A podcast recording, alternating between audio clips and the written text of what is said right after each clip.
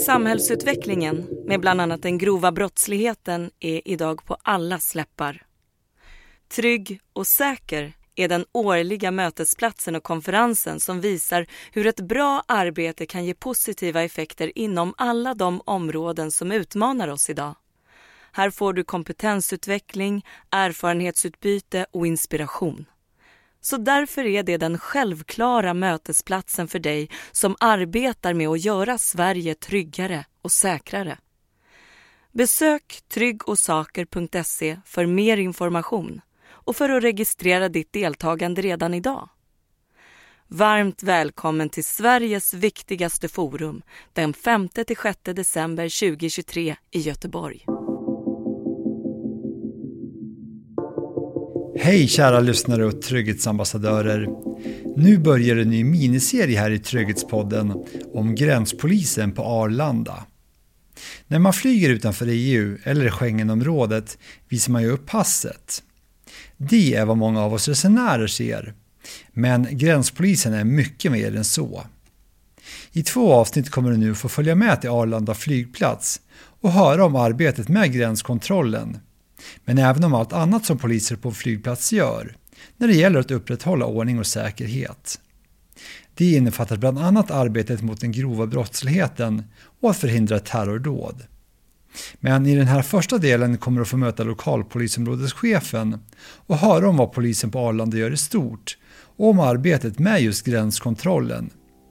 Du kommer också att få möta en gränspolis och höra om hur de upptäcker om något verkar skumt med en resenär vad som händer när någon stoppas, om det internationella samarbetet och vad man kan åka ut för i arbetet. Det var nu i somras här, det var en sån här eh, EAV som det heter, men en europeisk arresteringsorder från ett annat eh, medlemsland i EU och Schengen.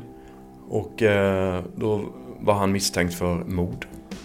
Sen 20, jag tror 21 år tillbaka i tiden. Du lyssnar på Sveriges viktigaste podd, Trygghetspodden. Johanna Åström jobbar på lokalpolisområde Arlanda på gränspolisen i Region Stockholm. Och vad har du för roll här? Jag är lokalpolisområdeschef sedan cirka två och ett halvt år tillbaks. Jag träffar Johanna på polisstationen som ligger vid infarten till flygplatsen någon kilometer från terminalerna. Vi har satt oss i ett konferensrum som ser ut på vilket kontor som helst med stolar och bord. Johanna börjar berätta att hon har varit polisen 2001 och hunnit vara på en rad olika ställen. Både som ordningspolis och sen i ledande befattningar. Bland annat har hon arbetat mot narkotika och mot internationell grov organiserad brottslighet. Och hon har varit både i Stockholm och på Gotland. Och efter det så hamnade jag här på gränspolisenheten och på LOP Arlanda. Och eh, det låter ju som att du kommer från Gotland också. Ja, men det stämmer bra. Eh, dialekten talar sitt tydliga språk. Jag är från Gotland och eh, är uppväxt där, men flyttade ganska tidigt till Stockholm. Men som du hör, dialekten finns alltid med. Den hängde med. Mm. Hur stort är det här lokalpolisområdet? Ja, om man ser som yta är inte Loop Arlanda speciellt stort om man jämför med de andra lokalpolisområdena i Region Stockholm. Vi har ju till exempel inga boende här, vilket de andra lokalpolisområdena har. Men vi har väldigt många resenärer som tar sig till och från Arlanda. Vi har en toppnotering eh, 2017 på 26 miljoner resenärer som tog sig till och från Arlanda det året. Det gör att det är en extremt aktiv plats där våra poliser har en hel del att hantera.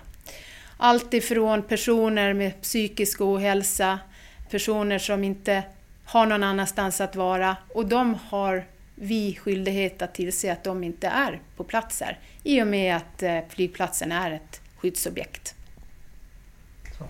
För vad jag har förstått så är det här ett av, ändå, inte till ytan, men till antal poliser, ett av Sveriges största lokalpolisområden. Ja, vi är eh, en av Sveriges eh, största lokalpolisområden just kopplat till antalet anställda polismedarbetare. Men finns det ingen boende på hela ert polisområde? Ja, men vi har hört rykten om att det ska finnas en man som bor här. Men jag är osäker på om det är någon som har sett honom. Okej, okay. då är lokalpolistätheten ganska hög i alla fall om det är en person. Ja, det är den absolut.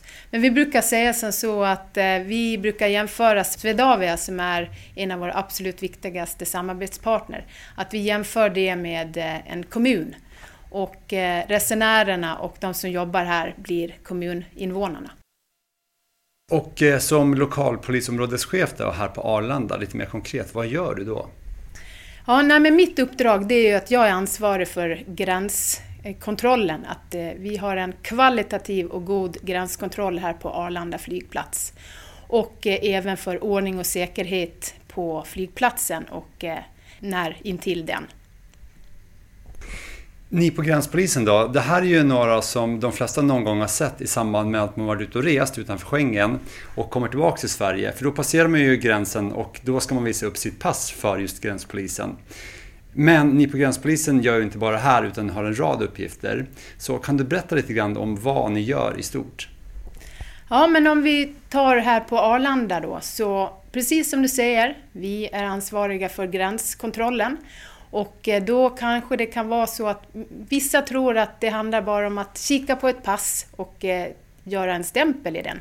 Men det sker så mycket mer arbete vid gränskontrollen än så. Så våra duktiga gränskontrollanter, de eh, tittar på dokument, ser att det är rätt dokument man har med sig och att det inte är förfalskningar, för tyvärr, det är förekommer en hel del förfalskningar av personer som vill ta sig in olagligt i vårt land och i Schengen. Så det jobbar vi såklart med. Men så är det även ordning och säkerhet på flygplatsen där vår yttre personal jobbar med bland annat att eh, tillse att det är personer på flygplatsen som inte har, har någon anledning att vara här, att de inte befinner sig här.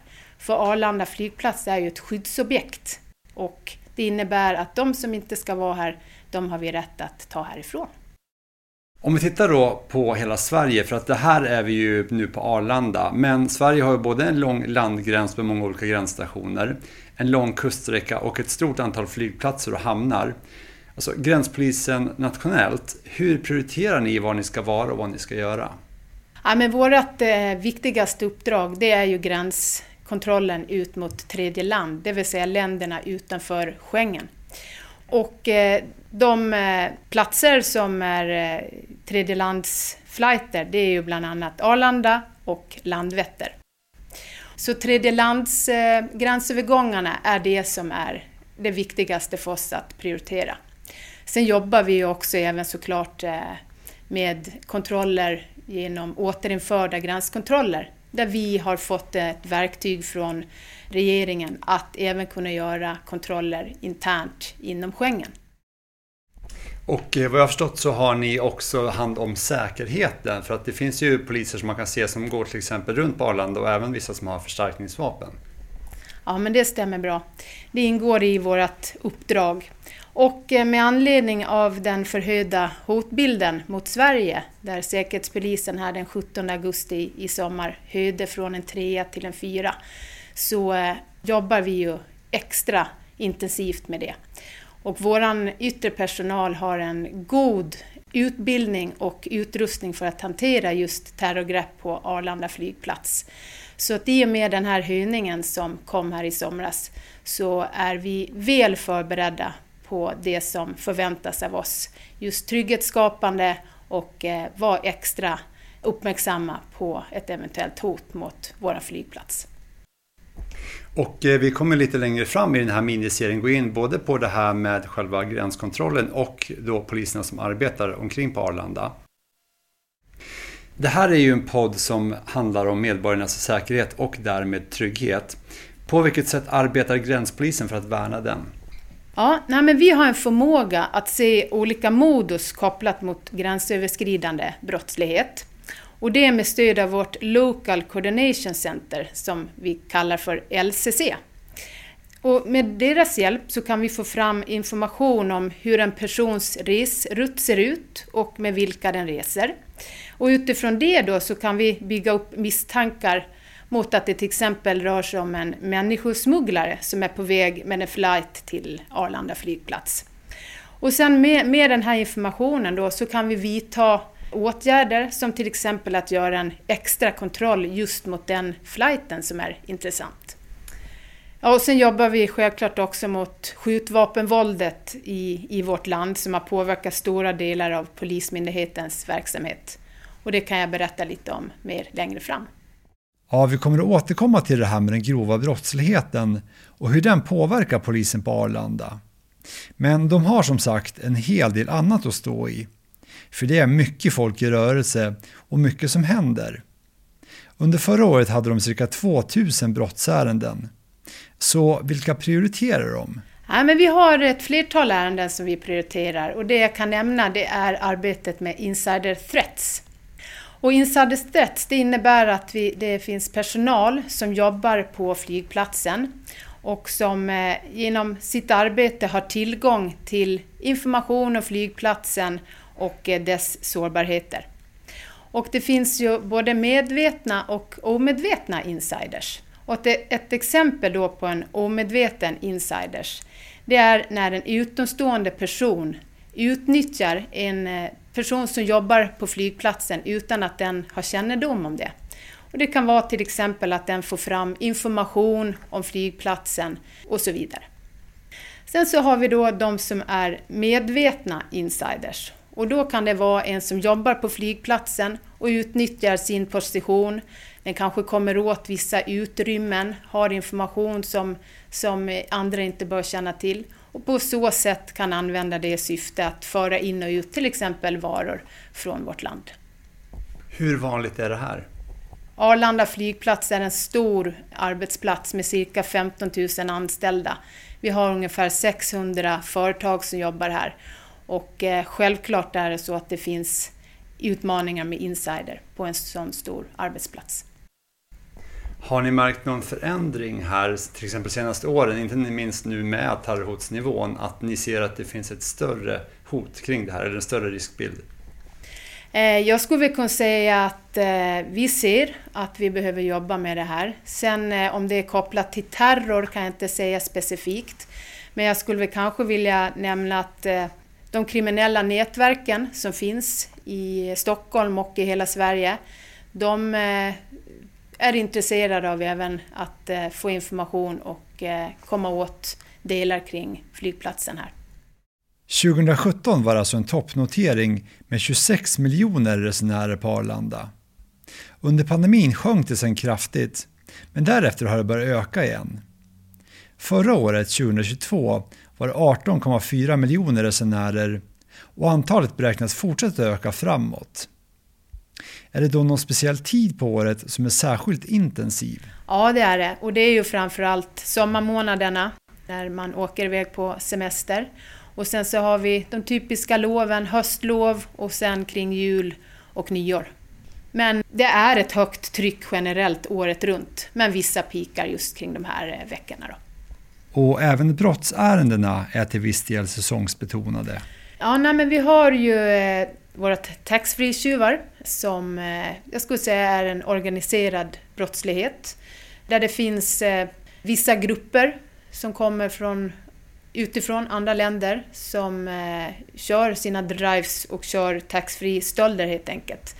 Och eh, det är svårt att säga under vilken period på året men vi kan se ibland att det pikar och sen så går det ner. Och det kan ju vara just att de är just i Sverige just vid det tillfället. Och eh, där jobbar vår utredningsgrupp väldigt intensivt med det och har lyckats eh, få tag i flera av de eh, som återkommer i de här sammanhangen. Är det, just när det gäller antalet brottsärenden, då, är det just snatteri som är den största delen för er? Nej, utan det är ju framförallt missbruk av urkund och de ärendena som är kopplat till förfalskningar på de resehandlingar som, som eh, resenärerna har då. Men annars en del stölder såklart.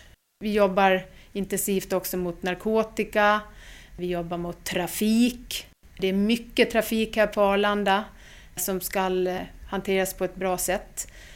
Men framför allt är det det som är kopplat mot dokumenten, förfalskningar, missbruk av urkund och så vidare. För att få reda på mer om det här med förfalskningar och hur gränspolisen arbetar lämnar vi polisstationen. Jag åker med i en polisbil till en säkerhetskontroll som är till för anställda och som inte ligger i någon av terminalbyggnaderna utan på en annan del av Arlanda.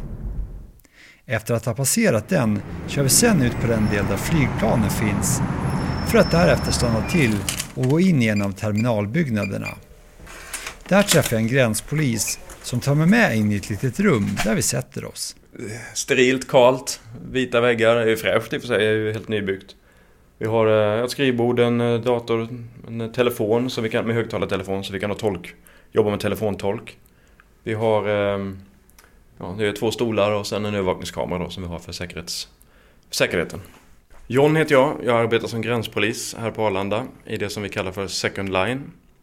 Eh, jag har varit här sedan ska vi säga, ett och ett halvt år tillbaka och trivs mycket bra här på den här arbetsplatsen. John har varit polis sedan 2016. Innan han började på gränspolisen har han bland annat arbetat som ordningspolis och med säkerheten på utländska ambassader. Varför trivs han då så bra med jobbet som gränspolis? Ja, mycket är nog kopplat till den här arbetsplatsen på Arlanda. Men att vi jobbar poliser och civilanställda liksom side by side. Det är riktigt roligt för vi kompletterar varandra. Det är väldigt skön eh, stämning. Det är kul att sen den här internationella prägen liksom. Det, den gränsöverskridande brottsligheten den är ju ja, gränslös om man säger flera perspektiv. Men eh, att vi eh, så att säga, eh, vi, vi, jobbar tillsammans med utländska kollegor, vi jobbar med internationella efterlysningar. Det blir liksom ett större arbetsfält kan man säga. Det, det är intressant tycker jag. John arbetar alltså i Second Line. Vad innebär då det? Second Line eh, det är ett begrepp som vi har inom eh, ja, EU och eh, Schengen och inom gränsarbetet där och då brukar man prata om First Line och Second Line. First Line det är ju själva gränskontrollen eller det som kallas för passkontrollen i dagligt tal. Och där eh, sker den första liksom, eh, gallringen skulle man kunna säga. Och de som sorteras ut därifrån de hamnar i Second Line och där jobbar jag då som gränspolis. Och i Second Line så jobbar, eh, förutom gränspoliser så har vi eh, utredare, vi har dokumenttekniker, vi har eh, gränsbefäl, vi har FU-ledare, alltså förundersökningsledare, polisiära förundersökningsledare. Vi har PITA-handläggare. Vi har LCC-handläggare. Och det är de, de kategorierna vi har i Second Line. Som då arbetar med själva utredningen av de passagerare vi har här. De här begreppen då, vad står de för? Jo, eh, PITA då, det står för eh, Passenger Information and Target Analysis.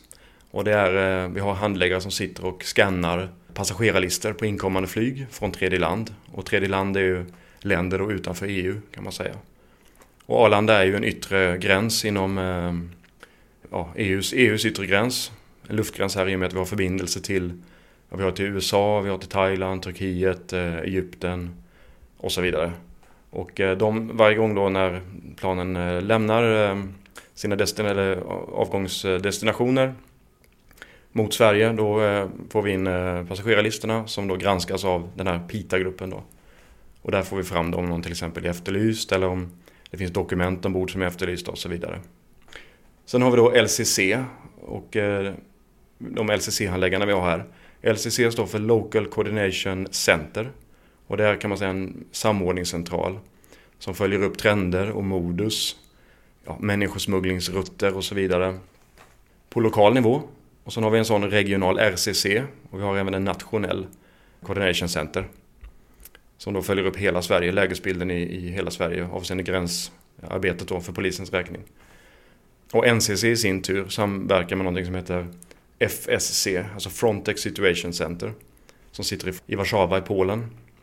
Och de eh, kartlägger då trafiken, vanligt förekommande migrantrutter i Europa för att få hela lägesbilden. Man skulle kunna säga att det är en slags eh, underrättelsefunktion.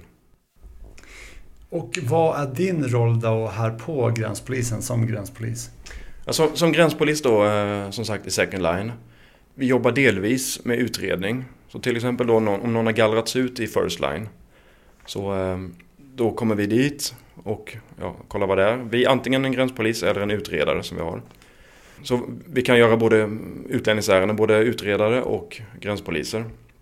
Det som skiljer lite grann är att eh, de här utredarna de är verkligen specialister på de här eh, ja, utlänningsfrågor och det här om folk får vara i Sverige eller inte. Medan vi gränspoliser framförallt hanterar sånt, sån ärenden där någon är eller ska bli frihetsberövad. Till exempel om jag kopplar på den här PITA-gruppen att de har hittat i en eh, passagerarlista på ett inkommande flyg att här sitter en efterlyst. kan vara en efterlyst för eh, någon som ska eh, anhållas i sin frånvaro, anhåll i sin frånvaro, häktad i sin frånvaro. Någon som ska avtjäna sitt fängelsestraff. Som inte har ställt in sig till, för att avtjäna utan rest utomlands och sen när den kommer tillbaka. Då är det poliser då, som vi gränspoliser som möter upp och frihetsberövar dessa helt enkelt. Det, det, är de bitarna som, som, som skiljer åt, annars jobbar vi ganska likvärdigt, utredare och gränspoliser då i second line. Kan du berätta konkret hur det går till när det kommer en person då med ett flygplan, landar här och det uppstår ett ärende och ni måste så att säga gå vidare hela vägen och det kanske är en person som inte har rätt att vistas här. Hur går det här till från att personen landar på flygplatsen här och går ut ur flygplanet? Ja men vi säger då att en tredjelandsflyg kommer och landar här och eh, då landade landar det på en, eh, vid en gränsövergång. Och här är det antingen på terminal 2 eller på B-piren eller F-piren som vi kan säga här inne på terminal 5 då. Och då beroende på om man är EU-medborgare eller tredjelandsmedborgare så ställer man sig i rätt kö. Och tredjelandsmedborgaren då ställer sig i kön för all passports. Och sen kommer det fram till eh, gränskontrollanten som sitter inne i passburen då. Och gränskontrollanterna kan jag säga de är experter på att urskilja ja, sånt som avviker helt enkelt från normalbilden. Så de, de fattar ganska snabbt att eh, okej, okay, det här måste vi kolla närmare på. Och då skulle det kunna vara till exempel att ja, du säger att du ska komma hit och eh, turista. Ja, så frågar man, ja, men vad, försöker utreda, vad, vad ska du se, vad ska du stanna och så vidare. Och så kanske personen inte kan svara överhuvudtaget på det. Ja, de, de vet ingenting helt enkelt, de verkar inte ha läst på någonting. Och det, det tycker vi då, ja men det där, det där behöver vi titta närmare på. Eh, och då blir man då föremål för en fördjupad kontroll. Och då, det går till rent praktiskt så att om, om eh, utredarna från Second Line eller gränspoliserna finns på plats på den, vid, vid gränsövergången så tänder de en lampa uppe på passburen så man ser att ah, okej, okay, det är någonting som ska kollas. Är vi inte där så ringer de in till vårt gränsbefäl som sitter här på, i våra lokaler eh, som då fördelar ut jobben sen och, och då drar de för gränsbefälet vad som eh, har eh, hänt eller vad det, vad det är fråga om. Och eh, sen så kommer vi eh, dit då med eh, polis eller utredare. Och då tar vi dem åt sidan. Och så då beroende på med språk och så vidare så beställer vi en tolk. Och sen så genomför vi då ett samtal. I våra utredningslokaler oftast. Och om det visar sig att den här personen har inte rätt att vistas i Sverige, vad händer då? Ja, om det då är så till exempel att syftet är oklart. Eller det kan vara ett annat problem, att det är något fel med visumet.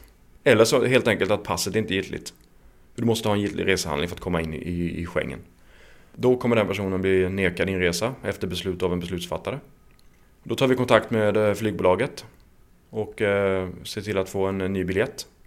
För flygbolagen är skyldiga att eh, tillse att personerna som kommer har rätt eh, krav då enligt den här, vi jobbar efter något som kallas för gränskodex, i dagligt tal Schengen Border Code.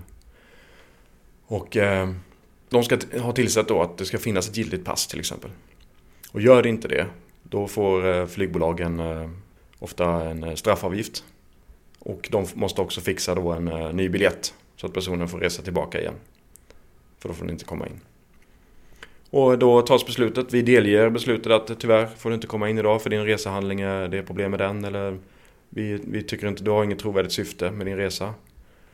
Och ehm, då eh, sen får de sitta i transit här uppe i våra lokaler och vänta på sin flight helt enkelt. Och sen när det är dags för den flighten att lämna så eh, då verkställer vi eh, det här beslutet om avvisning och följer vederbörande till flygplanet och ser till att personen lämnar Sverige. Och om det är då någon som till exempel har ett straff som du var inne på eller liksom någon som har någon form av liksom brottslig gärning som ligger bakom. Eh, så att den inte ska skickas tillbaka utan ni liksom ska gripa personen. Vad händer då? Ja men då, då, då har vi olika situationer då. Dels eh, kan det vara eh, vi, vi, har ju vårt gemensamma datasystem i Schengen som heter SIS då, Schengen Information System. Där i finns det registrerat efterlysta personer, efterlysta dokument, fordon, båtar som, är, som kan vara stulna och liknande. Eh, men om det kommer en person då som är efterlyst för eh, brott av något slag. Det kan vara nationella efterlysningar från Sverige men också från andra länder inom Schengen då eller, eller EU. Då ja, identifierar vi personen så att det verkligen är den. Och är det den här personen då, om den är efterlyst för ett ja, mord, om vi tar det, då blir det ett gripande. Och sen gör vi egentligen som när vi hanterar en, en vanlig svensk person också, även om det är en utländsk då som har kommit, att eh, vi ringer åklagare och redogör eller anmäler vårt gripande. Åklagaren kommer beordra ett så kallat 24-8 förhör, ett gripande förhör. Så håller vi ett förhör efteråt och sen utifrån det då så tar åklagaren beslut om personen ska anhållas eller inte. Och där har vi till exempel då det här europeiska arresteringsorder. Att man inom eh, Europa då har någon som ska gripas. Och eh, då, eh, ja, så fort vi har fastställt att det är rätt person så att säga, så vidtar vi åtgärder då. Gripande. Nu pratar du ganska mycket här om tredje land, men kollar ni även folk som kommer inifrån EU som reser in till Sverige? Ja, och där i gränskontrollen så skiljer vi då på EU-medborgare och eh, tredjelandsmedborgare. Och det är också kopplat till vilken kontroll man gör. EU-medborgare de blir föremål för en systematisk kontroll kallas det. Och det innebär egentligen att eh, de kommer fram till passburen och man tar resehandlingen, alltså passet, och så skannar man det i våra system och det är mot det här SIS-systemet då, Schengen Information System. För att se om det finns någon efterlysning eller liknande. Eh, tredjelandsmedborgare däremot, då blir det en noggrann kontroll. Och då, eh, vi skannar passet precis som en EU-medborgare. Men sen då eh, ska vi säkerställa de här inresevillkoren som finns. Då res, rätt resehandling, visum eller visering, syfte med resan, att personen har tillräckligt mycket pengar för att kunna vara här under den tiden och så vidare. Så det skiljer. Men ofta är det så, nästan dagligen är det så att vi får in från PITA-gruppen att en person är efterlyst som är på väg in. Kanske för, ja, ska hållas förhör med. Då eh, tar vi personen antingen vid, eh, direkt vid flygplanet eller vid eh, passkontrollen när den kommer fram och fastnar där. Och så ser vi till att köra den till rätt mottagare, aktuellt polisområde. Och i vissa fall så kan det vara så att vi kan hålla förhöret här på plats. För det kan även ske på utresa. Att någon kommer och ska resa ut visa passet. Aj då, träff. Det ska vara förhör med dig eller det kanske, kanske en delgivning det är fråga om. Och då, eh, om det är möjligt, vi försöker vara smidiga. Går det att göra, då, då kör vi förhöret eh, på plats här så att de ändå hinner med sitt flyg. Men ibland så tyvärr, då får de åka med till eh, ja, den polisstation eller polisområde som då har gjort efterlysningen. Hur ofta är det ungefär som att det kommer folk här som ni antingen nekar inresa eller inte får resa ut ur Sverige på grund av att de har till exempel något straff eller så som väntar på dem? Ja, nekad inresa skulle jag säga, det är varje dag. Sen skiljer det sig väl i antal, men det är... Eh, jag kan inte säga det i huvudet hur många, hur många vi har, men det är en handfull i alla fall varje dag. Och folk som försöker resa ut ur Sverige och som egentligen har ett straff eller någonting som de väntar på? Det är väl inte lika ofta. Det händer några gånger i veckan. Däremot så eh, när det kommer till eh, tredjelandsmedborgare på utresa då när de ska resa ut då kan vi se om de har varit i, om de har följt sin visering.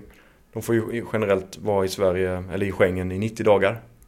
Och sen eh, inom en 180 dagars period då, men då kan vi se om de har en så kallad overstay. Om de har varit för länge i Schengen. Och då blir det utredning kring det också. Och det kan rendera i ett eh, återreseförbud. Så vi säger att du, du har varit i, du har, du har haft en, eh, ett visum som säger att du får vara här i 20 dagar. Och så har du varit här i 40 dagar istället. Som vi ser då när du reser ut. Då blir det utredning. Och eh, man ringer beslutsfattaren och beslutsfattaren beslutar om, kan besluta om ett återreseförbud. Sen beroende på hur länge då man har stannat över så finns det olika ja, nivåer då. Två år eller tre års återreseförbud in i Schengen. Du får inte komma in i Schengen på tre år igen. Har du något intressant ärende som du har varit med på som illustrerar just hur ni jobbar? Ja, men jag kan dra ett exempel då. Vi hade, det var nu i somras här, det var en sån här eh, EAV som det heter, men en europeisk arresteringsorder från ett annat eh, medlemsland i EU och Schengen. Och eh, då var han misstänkt för mord. Sen 20, jag tror det var 21 år tillbaka i tiden.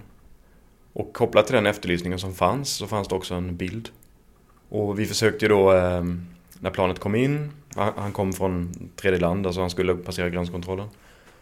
Vi försökte liksom se, fasen vi tittar på den här bilden, men ja, han har ju sannolikt åldrats. Så såg vi en som vi tyckte stämde in någorlunda i profil. Då tog jag den här bilden på den efterlyste och så gick jag fram och så sa jag Vinkla upp den här, vem är detta?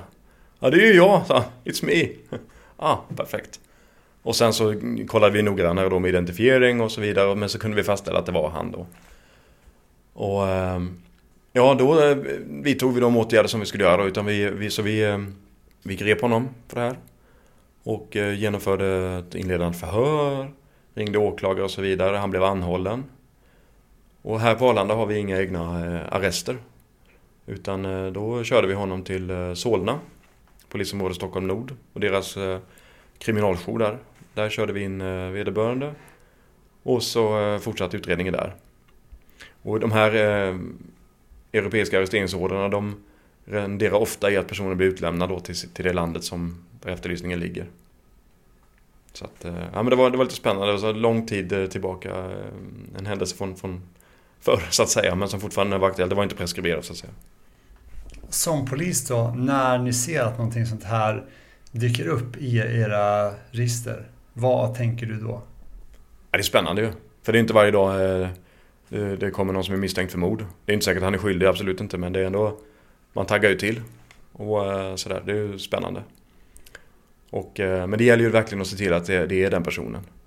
Och då till vår hjälp så har vi dokumenttekniker här på Arlanda som är experter, verkligen experter på att analysera dokument. De är också jättebra på att titta på en passbild och jämföra med en verklig person. De har fått utbildning hos NFC, alltså Nationellt forensiskt centrum. De har gått utbildningar inom Frontex. Alltså riktiga experter. Så då, man måste ju verkligen se till att det är rätt person som man inte griper fel. Och det är också viktigt. Och det måste man alltid ha i beaktande när man gör de här gripandena. För vi kunde ju höra tidigare Johanna berätta här att det förekommer rätt ofta att folk har förfalskade pass med sig. Så hur ofta är det här? Ja, det är några i veckan i alla fall. Och det, det är ett vanligt brott som, som vi hanterar här. Och då, då har vi egentligen två olika brott. Det är brukande av falsk urkund. Och brukande av falsk urkund är om man har ett förfalskat pass. Och då kan det antingen vara helförfalskat eller delförfalskat. Och ett helförfalskat pass det är om det är någon som från grunden har liksom byggt, gjort ett pass som är falskt. Eller delförfalskat då att man har ett grunden äkta pass som man kanske har micklat med och bytt ut eh, passbilden på eller ändrat i texten till ett annat namn eller vad det nu kan vara. Det är brukande av eh, falsk urkund. Sen har vi ett annat brott av missbruk av urkund och det är när eh, om jag använder ditt pass till exempel. Jag tar ditt pass och försöker resa med det. Alltså den så kallade lookalike. Och där återigen dokumentteknikerna klockrena experter och de kan snabbt döma av att nej men det här är inte falskt, det är bara slitet. Eller jo, det här är falskt. Och de har en riktigt stor erfarenhetsbank och databaser där de kan kontrollera liksom om, om passet är falskt då. Och är det falskt, allt som ofta då så är de okända. Såvida vi inte hittar någon annan ID-handling på dem, på deras riktiga identitet. Men är de okända, då har vi en flyktfara och då ska de gripas. Och så blir det samma procedur. Med åklagare, förhör och så vidare.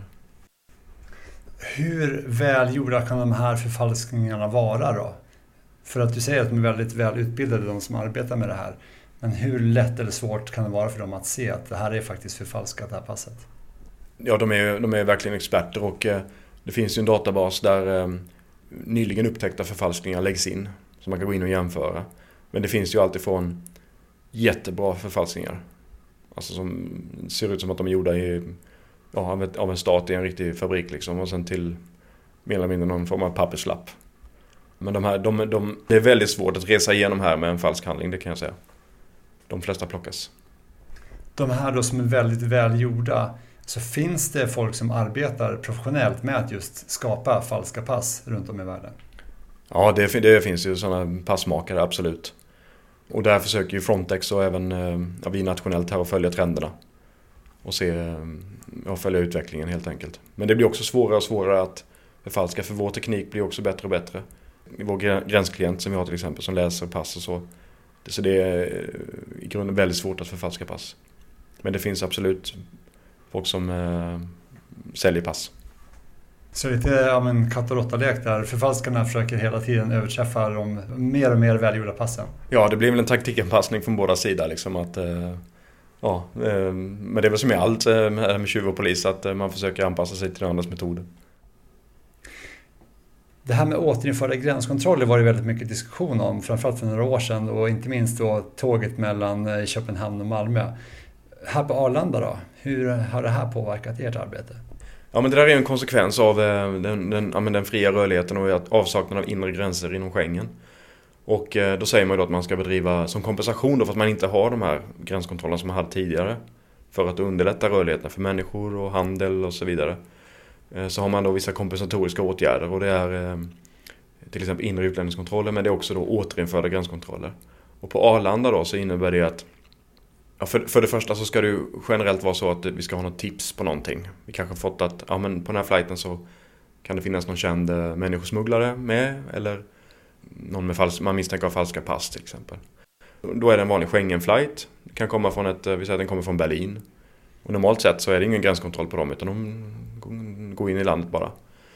Men då kan vi eh, i samverkan med Swedavia styra om den flighten så att den landar på ett, ett ställe, en gate där vi har en gränsövergång och då eh, genomför gränskontroll. Och då ska det som sagt då ske på någon misstanke. Men däremot så finns det ju då de här besluten. Det pratas sedan 2015 och nu ligger det ett, ett nytt beslut från regeringen om återinförda gränskontroller. Och det sträcker sig från eh, maj till eh, slutet av november om inte jag minns fel just nu då. Att vi ska genomföra återinförda gränskontroller med hänsyn till omvärldsläget. Och det gör vi ju. Och, eh, men det, det är fortfarande Polismyndigheten som bestämmer var och hur de, de här ska genomföras. Och de genomförs ju frekvent nere, som du pratade om, på bron. Eller övergången mellan Danmark och Sverige, men även här på vissa flighter. Då. En annan sak som det är mycket diskussion om det är ju kring det här med migrationspolitiken och folk som söker asyl och så i Sverige. Hur påverkar det här er? Ja, just här eh, i vår vardag så hanterar vi så kallade IDBer. Det står för eh, inkommen Dublin-begäran och det är Dublinförordningen som eh, ja, gäller i alla EU-länder egentligen. Inte Danmark men i, i andra EU-länder och sen så tror det är Norge också så något land till.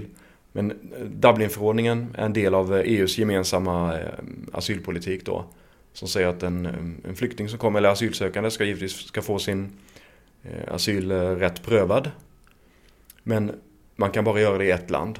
Så om man kommer till Sverige då och söker asyl här, då är det här som asylansökan ska hanteras. Och skulle man då få en nekad asyl här i Sverige då kan man inte åka vidare till Norge och testa där eller, eller Tyskland. Men det finns ju folk som gör det eh, och då eh, åker de eh, ja, kommer till Norge till exempel, söker asyl där men då ser de att nej, men du har ju din process i Sverige. Och då blir du skickad hit. Och då rent praktiskt, då tar, kommer de hit som en IDB då som vi säger. Då tar vi emot dem här. Ofta flyger de själva som så kallad enskild resa. Men i vissa fall så är de eskorterade av ja, det landets polis. Och det är alltid trevligt att träffa eh, utländska kollegor eh, tycker jag då. Och sen eh, tar vi hand om den här personen då och för den till våra, vi har särskilda utredare som jobbar med IDB-frågor. Och de jobbar som en förlängd arm åt hela Sveriges alla polisregioner. Så om det är en person som har haft sina ärenden hanterade i polisregion Syd till exempel då har vi fått en frågebank och, som vi jobbar efter här. Då. Och när här, man kör ett samtal med den personen och sen så ringer man en beslutsfattare och då kan det vara om man då misstänker att den här personen kommer sticka igen. Då kan den bli tagen i förvar. Alltså bli inlåst hos Migrationsverket. Så det är egentligen våra IDB. Ja, att komma som medborgare från ett annat land till Sverige kan alltså innebära många olika saker beroende på vilket syfte personen har. Men även för oss svenskar kan det hända saker när man är ute och reser och sen ska hem igen. Vad händer till exempel om man tappar sitt pass? Är man portad då? Och det har jag varit med om eh, flera gånger. Någon kommer ner, stressig, svetten eh, lackar. Åh, mitt pass, jag har tappat passet. Då försöker vi såklart vara så smidiga som möjligt. Och ehm, då, var satt du? Brukar jag kolla direkt. Ja, 19F. Eh, då springer jag upp dit. För flygbolagen är väldigt snabba men de vill ju ha så kort slottid som möjligt på marken komma iväg så de är snabba med att städa och sen, men då försöker jag hinna dit. Ta kontakt med flygplansbesättningen och säga att en kille har glömt ett pass här ehm i stolen eller var det nu sägs att den ligger. Och så går de in och tittar och förhoppningsvis så hittar de den. Skulle de inte hitta det och så personen står utan någon form av handling. Då en, en svensk medborgare kan vi aldrig neka att komma in. Då har vi andra system så vi kan göra slagningar i våra polisiära system. Och titta då, för då, den har ju förmodligen ett pass. Och då kan vi hitta den passbilden och identifiera den på det viset. Och så får den komma in ändå. Så det är inte så att man blir stående eller man får flyga, flyga tillbaka igen utan de kommer in. Så alla som finns i, som har ett pass, de finns i ett passregister så ni kan ändå se att personen har ett giltigt pass fast inte har det fysiska passet? Ja, ja exakt. Utifrån deras personnummer. Så det finns en plan B med andra ord? Det gör det. det, gör det. Kanske många som känner sig lättade nu som Jaha. är stressade när de ska ut och resa. Ja. Utifrån det här vi har pratat om nu då, som privatperson, vad ska man tänka på när man ger sig ut och reser för att få en så enkel och smidig resa som möjligt? Ja, om man ska resa från Sverige till exempel ut i, i världen och då kanske framförallt utanför Schengen, se till att vara i god tid på flygplatsen. För det kan vara köer. Först köer till säkerhetskontrollen. Eller redan innan det är incheckningen. Bagagehantering, allt det där. Sen säkerhetskontrollen.